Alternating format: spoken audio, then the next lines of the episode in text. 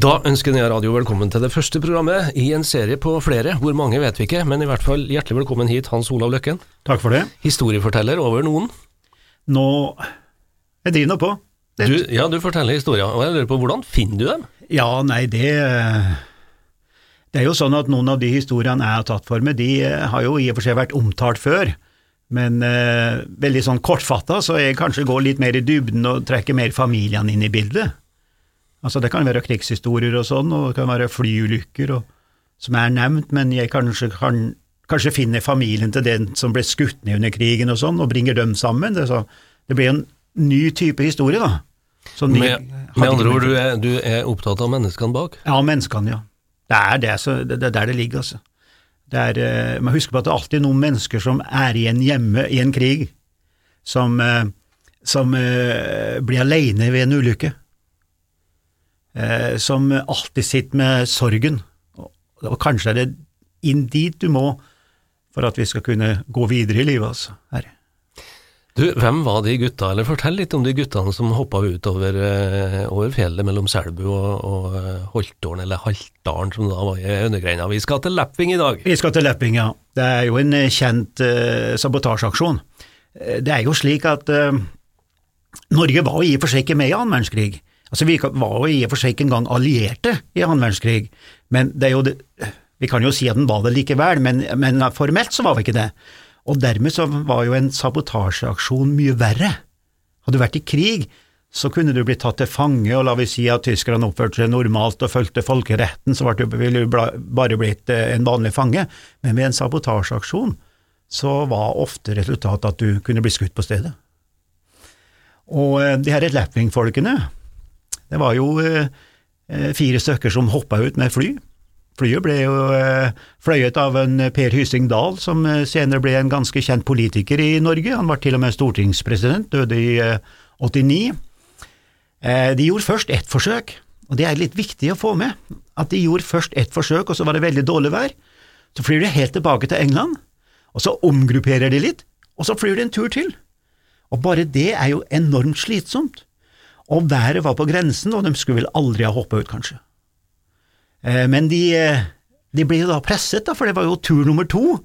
De var slitne, og nå må vi se å få fullført det her. Og så hopper da den første, er da lederen, han Reidar Kvål, som, er, eh, som var eh. Døde for kort tid tilbake, over 100 år. Han hopper først, og han faller ned i ur, og det er ikke så behagelig. Og det var sånn forferdelig vind at han ble dratt over ura og fikk så mye juling, og det der, når jeg prata med han første gangen for noen år om den der ura, så flirte han godt av, for han, så ikke ut, altså det var blåmerker over hele kroppen, han fikk ordentlig juling. Så hoppa da en Hegrasbygg etterpå som eh, heter Fosseide. Han hoppa, og han fikk snora av han Reidar Kvål i ansiktet, og ble skadet, og det holdt også på å ødelegge hele denne eh, aksjonen, da. Og han, han havna i et tjern. Det er heller ikke bra. Det her er altså, nå skriver da den 11. og 13. oktober i eh, 43, i og for seg fint høstvær, men det blåser så enormt. Så han her, Fosseid, han havner i et tjern. Men på grunn av den sterke vinden, så ble han redda, for da ble den her fallskjermen som et seil, så han ble blåst opp av land og redda seg og lå der, skal vi si halvskadet da med, den, eh, med, med, med såret fra da. Så kommer da det en som heter Rolf Arnesen, han er fra Sarpsborg, er da på en måte telegrafisten i denne, den gjengen her. Og så er det en eh, Sigurd Haugen fra Narvik, da. Det er de som eh, hopper ut. Og de hadde jo da bestemt seg for hvilke setervoller de på en måte skulle spore opp. Man må også huske på at en Reidar Kvål han hadde jo veldig mye med Åren og Haltdalen å gjøre, det er jo slekta hans, er jo vel eh, Jeg tror faktisk talt at, at forfedrene hans er fra oppe i Gauldalen der. Så han har vel vært der som barn, og var litt kjent på de her vollene, da. Så først så tok de inn hos en banksjef Breida, og, de, og det her er ganske artig, det er ikke så mange som vet akkurat det her, men de hadde med spesialinnbruddsverktøy fra England. De hadde utarbeidet eget verktøy i England for å åpne hytter og setervoller på en sånn måte at ingen etterpå skulle se at det har vært noen der. Altså, det skulle ikke bli noe hærverk, ikke sant? De klarte å komme seg inn, de klarte å lukke det på en sånn måte at hvis det da tyskerne hadde eh, patruljer i fjellet, så ville de ikke bli oppdaga. Bare det er en liten sånn finurlig ting, synes jeg, når det gjelder sånn sabotasjeaksjon. Spesialutdanna gutta? Spesialutdanna. Mm. Og de, de, hadde jo begynt allerede i 42 å planlegge det her. Da, og Meningen var jo da å sprenge Rørosbanen for å uh, forhindre da transport på Ishavsarmeen, da, ikke sant, lage det litt problematisk for okkupanten. da. Men så er det jo det at de oppdager jo at de, de klarer ikke å finne den radiosenderen. Og den var jo alfa og omega, for de skulle ha da tilførsel senere med dropp fra England. da. Så de brukte vel en hel dag, og så fant de den og de fant den også i et tjern.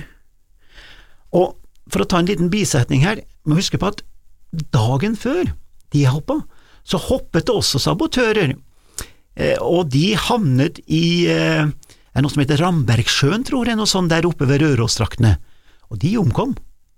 Var en uh, Hoff blant annet, og en som het Henning Løkken, og det var mange som spør om det var min slekt, men det var det ikke, og de omkom fordi de havna i vann med de her fallskjermene, og det er ikke ufarlig da. Jo, så var det den herre senderen som var borte. Hva i all verden skulle de gjøre da?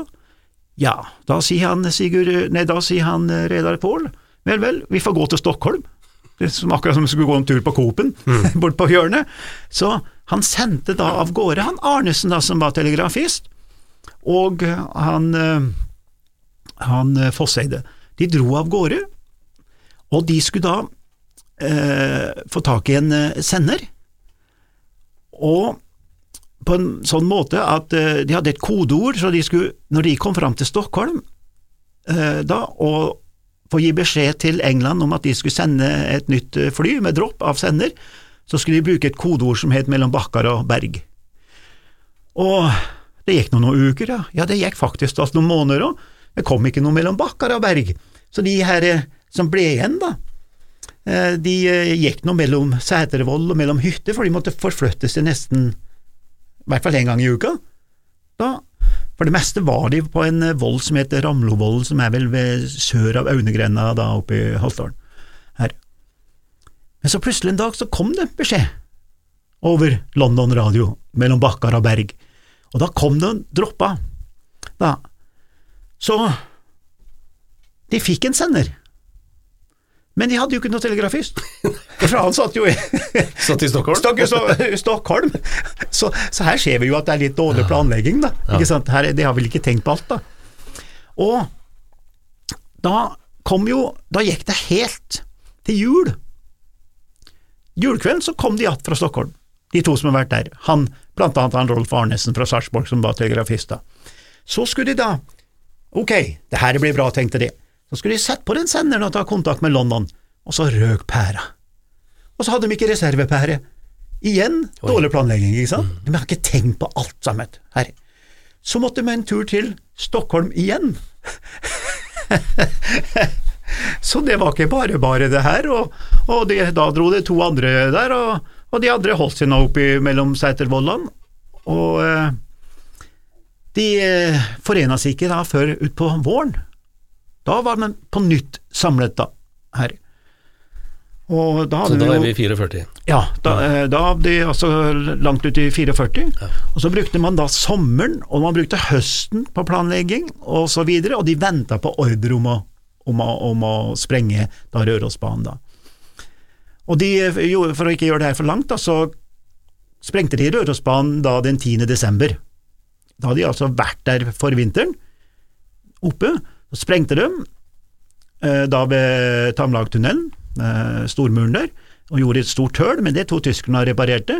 Da måtte de planlegge en ny sprenging, og den fant sted da den 30. Eh, desember i 44. Og da hadde det kommet forsterkninger også til de her guttene oppe i hyttene der, blant annet en som het Odd Husby, og han kom den 22. desember. Og det var så overraskende, for da var det så dårlig vær at de er blitt sperra inne noen dager. Du vet jo hvordan det er, kan være tøft i fjellet, du får ikke puste, ikke sant? Og plutselig så banker det på døra. De skjønte jo ingenting, og da var det her, så sier han Reidar Kår da, hvem der? og da var kodeordet eh, 'Tyttebær trives under snøen'. Det var det. tyttebær trives under snøen, det var det kodeordet for at nå kommer det alliert, nå kommer det en som skal være med. Kommer en venn. Ja. Det kommer en venn, ja. Ja. Og det var en Odd Husby fra Byåsen i Trondheim, han var jo en av Norges beste skiløpere, kombinertløper. Ja. Ja, der da. Og eh, de ble jo forsterka, og så fant de ut at de skulle sprenge da skøytene, de skulle gjøre det på en annen måte. Og da eh, dro de nedover til eh, Rørosbanen, og de sprengte i tre timer. Det smalt i ett sett i eh, Haltdalen og, og Åren i tre timer, og ingen reagerte. Og det, og jeg husker han Reidar Kvål sa til meg en gang, eh, han var nemlig naboen min oppe på, på Stjørdal, så sa han til meg det var irriterende, sa han, at de ikke kom. det var jæklig irriterende. Her sprenger vi og gjør, og så er det ingen som bryr seg om oss. Så, og, det, og det er et lite uløst spørsmål. Altså, de, de reagerte ikke, altså. De sendte ut noe få Det lå jo, det lå jo noen tyskere opp med Reitan eh, der, da, og sånn, men de reagerte nesten heller ikke. Og eh, så på en måte så klarte de å sprenge, eh, og den metoden de brukte å sprenge Rørosbanen med, den ble da adoptert av de allierte i England, som en slags hvordan skal vi gjøre det i fremtiden? Ikke hull, men da gikk de på skinnegangen. Da gikk de på skinnegangen ja. og sprengte i hver skøyt, små sprengninger over, over et par mil. Tenk på en jobb. Ja, enormt jobb, og det tok jo tre timer, da, for de delte sitt lag. Men det smalt jo, som skulle tro det var øh, nyttårsraketter overalt, ikke sant, og, og Tyskland gjorde ingenting. Men så skjer det jo det her det tragiske, da, at noen av de blir drept. For de er da oppe på ei hytte i Forsetgrenda der, da, og eh, da hadde de eh, det var ikke bare sprenging de skulle gjøre, de skulle også drive opplæring for lokalbefolkningen. De hadde jo kontakt, han Birger Nyseth Wold eh, var den første kontakten, og så var det en til som het Olaf Grønseth fra de årene, han har også kommet inn over fjellet, men det likte ikke en kår, for han syntes det ble for gærent med alle disse lokale folkene som sprang omkring.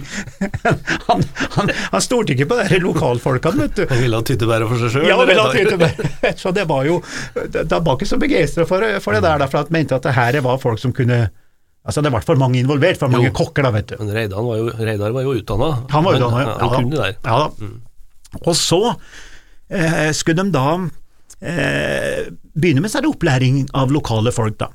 Kalte det hagebrukslag, kalte man det. Man skulle etablere ulike hagebrukslag i Åren og, og i Haltdalen, da. Og eh, eh, så var det en dag at de eh, hadde forventa at det skulle komme noen opp i fjellene, men de kom ikke, så han herre Odd Husby, han gikk nedover han for å se etter folkene, og så ble han eh, konfrontert av en eh, tysk patrulje. Og det, tradisjonsfortellingen da oppe i, oppe eh, Gauldalen går på at han hadde ikke med seg så særlig mye mat, slik at tyskerne, for han har sagt han skulle på eh, skogen, som tømmerhugger. Og tyskerne er jo ikke dum de heller, så de sjekka at han ikke hadde mat, så han liksom lurte på hvordan han skal drive og hogge tømmer i flere timer uten mat. Så de fulgte etter, vet du. Og da ble, førstemann etten opp på den der hytta, og det ble en skuddveksling, og tre ble jo drept der oppe, da. Og da jo, hadde de også et sånt kodeord, da, at når de skulle læres opp, så var 'reven ligger på lur'. Det var kodeordet for lokalbefolkningen, at eh, når reven ligger på lur, da skulle de møte til trening, og sånn. Så de ble skutt, tre stykker der oppe, da. Og så kommer det jo den her tragedien etterpå ved at det var to fra Singsås som ble plukka ut som soneoffer. Da, en lærer og så en som jobba i banken. Og han Flench øh, og Gestapo-sjefen i Trondheim sendte jo da Nød Ragas, da, som er meget kjent fra annen verdenskrig, eh, som eh, hadde med seg et par bødel da.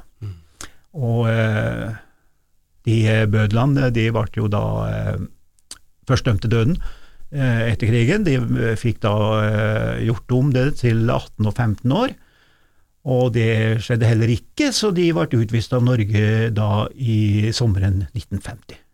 De som drepte de to Syngsåsbyggene da. Og det er kanskje litt sånn merkverdig, da at eh, og plutselig så ble det veldig mye benådning når det kom opp til 1950. da.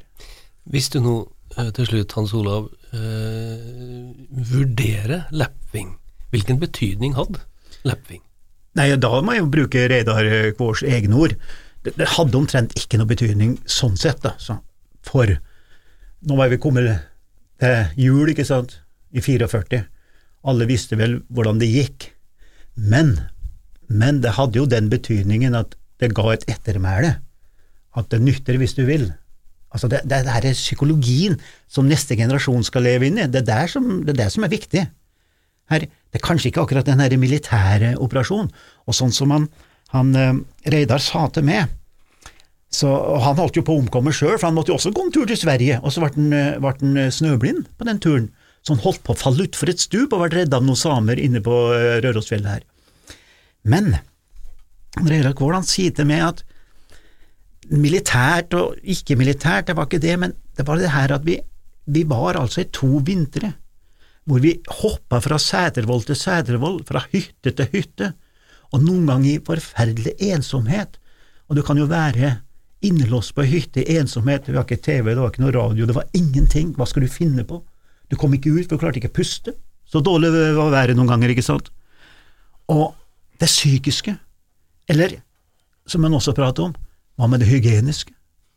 Altså, du kan jo prøve sjøl, da, mm. å ligge på ei setervoll opp, eh, opp, med, opp med Riassen eh, en hel vinter alene.